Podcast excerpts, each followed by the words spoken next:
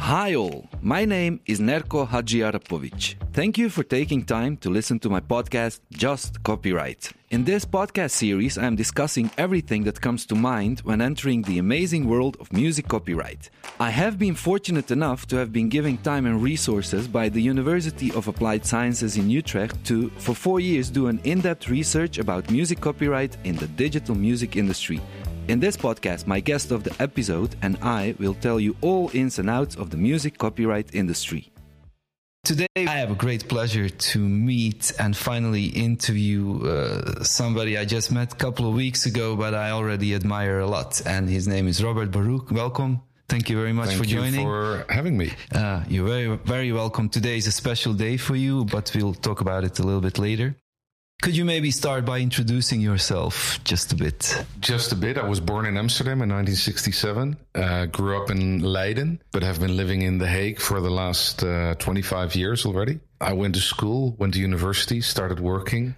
Somewhat average. Uh, I finally graduated in uh, in political science, political philosophy, but I spent quite a number of years studying theology and public administration. And um, the combination of the uh, of these uh, three, it's strange. I would never have uh, anticipated that. Still make up large part of my working life. The last ten years, I had the very fortunate experience of uh, working in the music industry. Yes. Um, music was my passion for as long as I can remember. I played in a band. I was manager of a band uh, when I was uh, much younger. Um, I grew up with music. Uh, I grew up with politics and being in a position where I can combine two of my biggest passions. That's, you know, how lucky can you be? And I'm moving forward to another position where I can, uh, where I can pursue these two passions. You spend, I think, uh, last 10, maybe even longer, uh, this much years actually fighting for something that's really important in respect to protecting the creativity in, in very broad sense. Can you, can you, Yeah. uh, So for the last that? 10 years, uh, nearly 10 years, nine and a half years, I worked for Buma Stemra, which is the Dutch, Dutch Collective Management Society for authors' rights. Um, this is a widely misunderstood concept, uh, just as collective management is widely misunderstood. what was actually your job there concerning the gov- national and international governments? My um, my prime job was to defend copyright and help ensuring legislation that would enable creators to live off their work. Hey, Robbert, I have a question for you. What, what was keeping you busy uh, last? What, what, what was your last big project in terms of legislation? There were two big pieces of legislation coming out of uh, Europe. When I started 10 years ago, uh, this was the Collective Management uh, Directive, which aspired to regulate two things. Uh, first, multi territorial online licensing, and second, transparency in governments, uh, governance for uh, collective management societies. So, in other words, to create a level playing field in Europe uh, for collective management societies and enabling music users and music providers, uh, i.e., composers and uh, lyricists and publishers, to uh, being able to compare the services of collective management societies by giving them some rules and and uh, and guidance.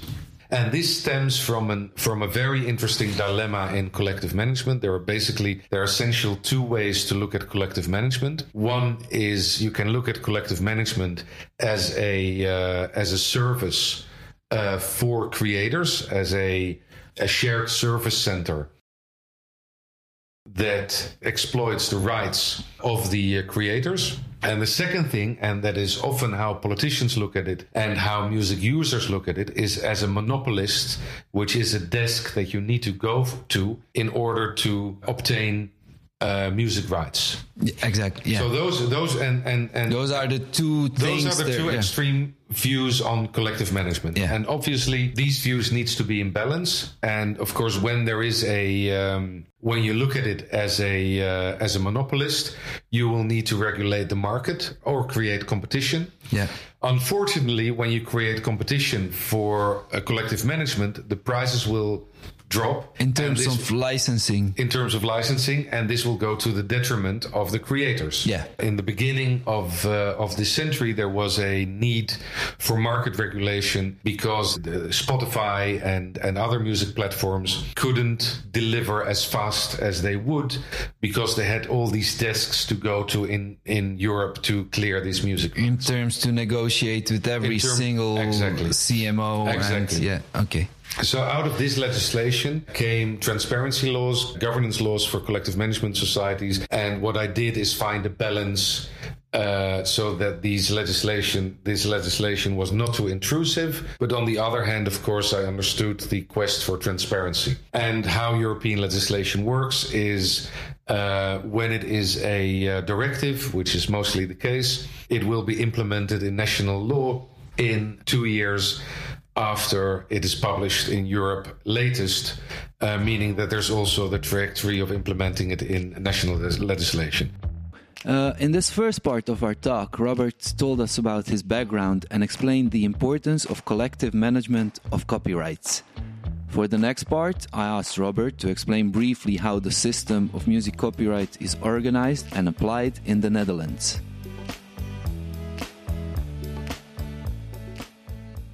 A creator who wrote a song transfers the right uh, of exploitation to a collective management society. The collective management society for copyright speaks with users and say if you want to use this collect if you want to use this intellectual property, uh, these are the conditions, and the conditions are always money. Uh, but sometimes it's always it's it's also user statistics Right. or other information. So there's a whole bunch of agreements that can comprise a uh, a license. Classical publisher is a man that or a, a, a company that wrote down the music on paper and and sold this paper. Just like book publishers, basically. Just like book publishers do, and that is this is what publishers still do. They invest in talent, um, and uh, they uh, they distribute uh, the music to uh, bands and um, and venues and and platforms uh, through collective management uh, uh, most of the time, and uh, in and in return do some of the administration and give part of their revenues to creators, whereas uh, creators normally transfer part of their rights to publishers. Yeah. So that is you know, that is the that is the music side of it. But going back to the historical thing, the historical um, uh, lines, this enables. Uh, composers to have an income from their revenues other than just selling it one time uh, which gives them a creative independence uh, but it, it and it and it gives them uh, an income for the time that their song or their their creative product is being used Yeah. so that is a completely different, and and this this connects to the logic uh, of of the economic side of copyright, which is when someone profits, makes money out of your intellectual product, uh, he should share some of, of his revenues with you. Because otherwise, it is never going to be sustainable. Uh, Because, as I said before, when an intermediate party, be it a venue or a, an, internet platform in these days, when they will uh, not share their profit, the creators will have to start work in a sausage factory. And then, thus, they will produce much less music They or will good produce music, less or music whatever. and less quali- qualitative music, and it will be. Um, uh, you know, I'm not saying that out without copyright, people won't write good music, but it gives an impetus for creativity and for innovation and for professionality. Yeah. because also through the through the network of um, publishers, Yeah. And uh, labels to which uh, we will talk maybe a little bit later. These are the people that invest in innovation. Yeah. When you look at the big stars, the big writers, they don't become a, a, a big star, a big writer overnight. Some of these people have been working in music for 10, 15 years before they wrote something that anyone wanted to listen to. yeah. But a good A&R person in, at, at a label or a good publisher recognize talents, invests in talent, and will lose money on it. You know, the first three, four, five, six, seven, ten years, and then when he did his work right, uh, the talent proves himself, and then he will start earning money, getting his return on uh, uh, on investment. If I can interrupt you just for a second, this is the essence probably of this part of the of the interview is why and how come that artists always feel kind of or they always left with the feeling that somebody made use out of them because that's just justice as well. It's not. yeah. It's well, perception as well, right? Of course, I, th- I, think there are two two possible reasons. One is, as I discussed before, music is emotion. I think especially music creators, but also also other creators, they're wholesalers in emotion. So that they are emotionally attached to their product is only logical. And there's this beautiful quote of, of Nietzsche that says, Winners don't believe in luck. So it's only logic. When I I can be very proud of my career and what I achieved and look in the mirror and, and pat myself on the back. But of course, during the way, I was helped with so many people that believed in me and, and, and, uh, helped me and gave me advice and, and, and gave me network and thought about it because, and, and this goes also for artists, of course. Why are they successful? Because their music are their music is great and the, and they are great themselves. and they are great and yeah. they are great themselves and especially when you're a performing artist you know you look in the mirror and you go you the man and which is logic i mean without an ego you you don't go on stage exactly yeah so uh, they're very conscious about that. And someone who's on the top of his career is completely different than someone who's mid or at the beginning of his career. And you may forget it. But the danger there is that when uh, labels and uh, publishers can't invest in creators and artists with a very long horizon, they will have to, they will want to have an earlier return on investment or invest less meaning that at the end of the line you will get a less you will get less innovation and you see that sometimes. You see it with uh, with uh, uh, some painters, for instance, that made beautiful work at the beginning of their career, and then after they were on the height of their career, just just started making paintings 10, 15 a day and selling them for a lot of money. yeah.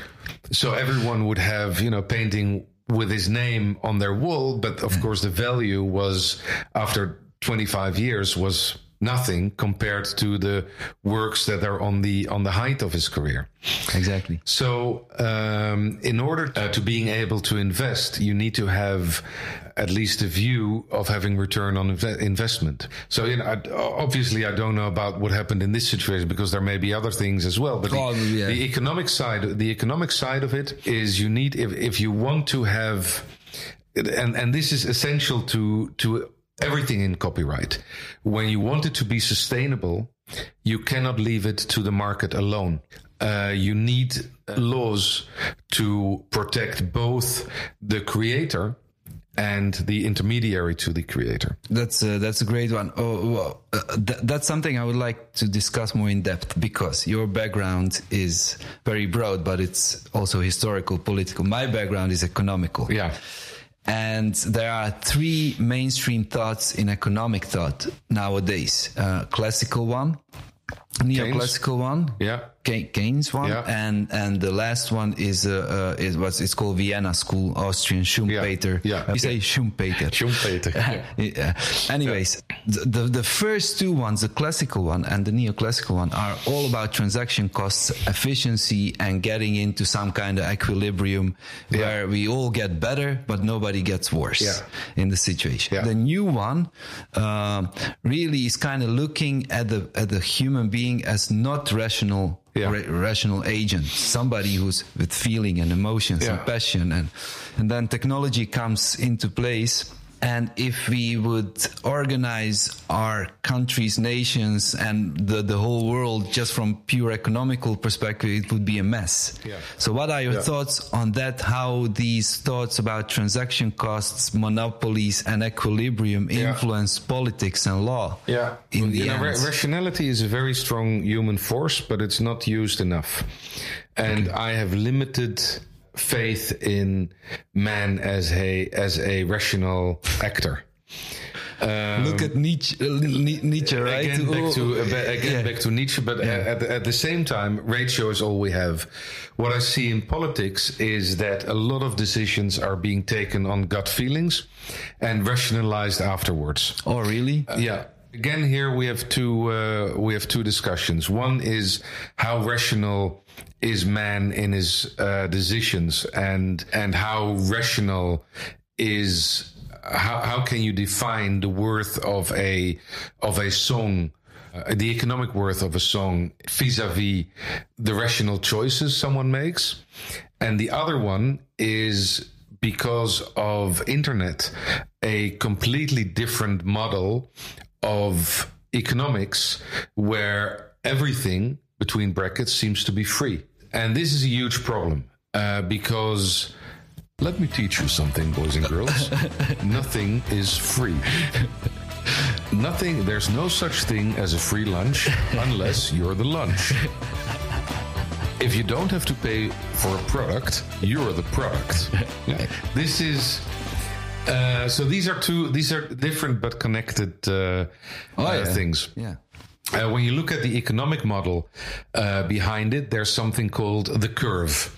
And the curve is an economic equation whereby uh, the price is not defined by the classical uh, touching lines to curves, the uh, Pareto uh, lines Yeah, yeah, yeah. Uh, that we all uh, that we were all taught in uh, in secondary school Exactly. um, but by the idea that uh, because uh, duplication is free or next to free, marginal costs are the marginal close to costs zero. are close to zero. Yeah. Uh, the um, uh, on the marketplace, you can sell your base product also for close to zero. Yeah. So give it away for free. This is essentially what happens with games, for instance.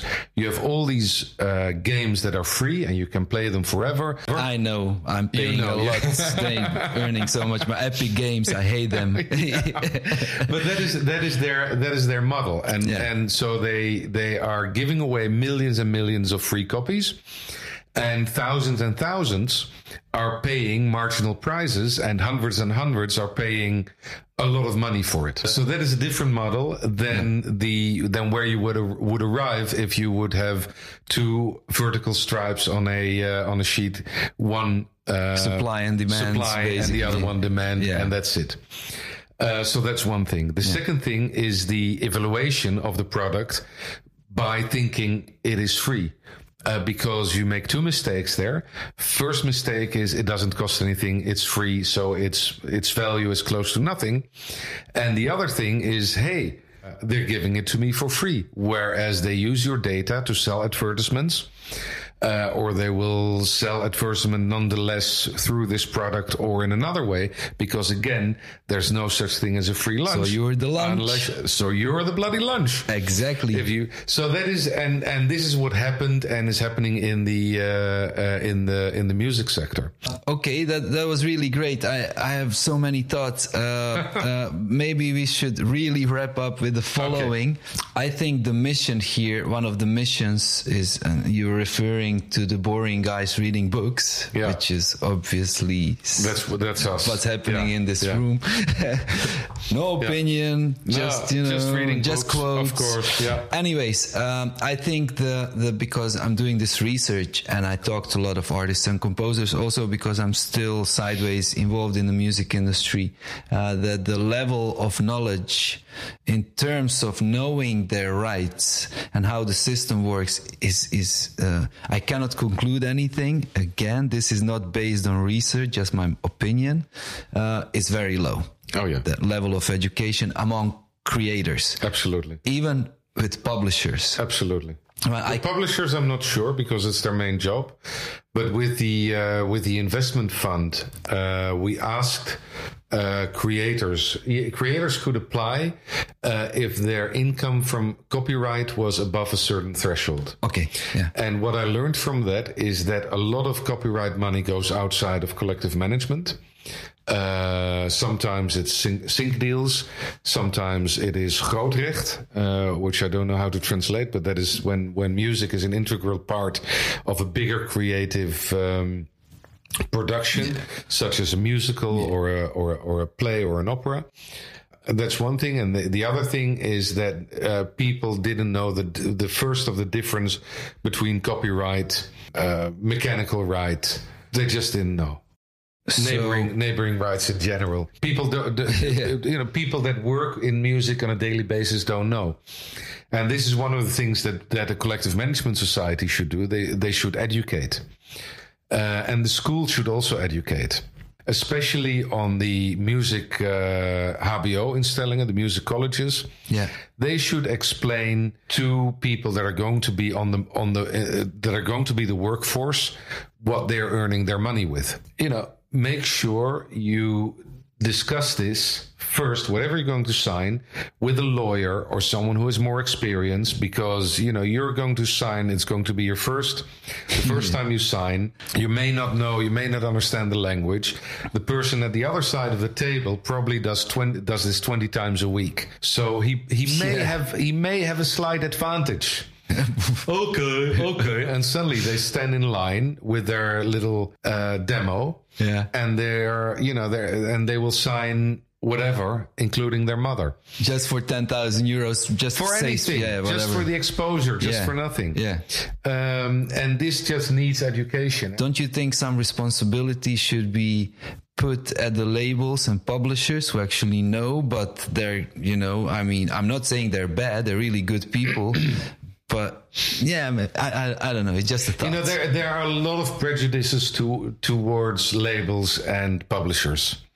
And I saw an article in the newspaper uh, a few days ago. Someone said, "Yeah, I can't even afford a bicycle, and he rides a BMW," and it's so unfair. It's very unfair that I'm not a millionaire the investments that the labels and that the um, publishers have to do are immense, and we only see part of it. Yeah. And why do we only see part of it? Because we only see the success stories, exactly. then see that the labels and the um, and the publishers take part of it, and what we don't see is all the failures on the failed songs, the failed artists, oh, yeah. the failed creators. Success factor in the music industry, as I understood, was three out of hundred. You invest in hundred acts or artists, and, and, you will get three. three will generate money, and ninety-seven will fill. There you go. So, which so, is really low, of course. Yeah. And um, and I am convinced that a lot of people that no one will say, no one in the music industry will say, "Oh yeah, I earned far too much money." that would and, be funny. and um, and I know that there are. Uh, for sure that are that there are people that feel disadvantaged but when you look at it from a from a wider scale when you take one step back and look at the industry and from what i know uh, and what I see from people that I've worked together with over the last 10 years and I will work together with for the next, uh, next, uh, next 10 years, they're all decent. They all have a passion for music. Very passionate people. Very passionate yeah. about their music. Yeah. Of course, they're interested in money. And of course, they love to make deals. yeah. They all do. And in order to have equilibrium in the music market, uh, you should inform yourself and negotiate and and of course defend your rights collectively on a reasonable basis, but also uh, realize that marketing, A&R, data analysis, uh, merchandise, investment, personal personal uh, coaching, uh, they also don't come for free. We all have our opinion on our favorite football team or on football in general. And we all know how they should play. And, we all know uh, how, how, they should play. But we do have an idea that we're probably not as good as Johan Cruyff. yeah, you know, if I would work very hard, I could be Rudolf Nureyev and Johan Cruyff in the same person. Unfortunately, I'm not. the same goes for the music business. People that people don't understand the dance music. People say, "Oh yeah, I can do that." Stick a USB stick in a computer and wave my arms and become uh-huh. very rich. Grab a guitar, get on stage, and all the girls will run after me. It's as easy as that. Well, sorry to break it to you, it's not as easy as that. Uh, it is uh, hard work and uh, the day is short and the reward is high uh, but uh, you may not finish the task that you're set out to do but you have to do it anyway Yeah. And earning money is hard for everyone. And when you look at creators and publishers and labels and actually everyone in the music industry, you will see yes, there are a few people that are making a lot of money.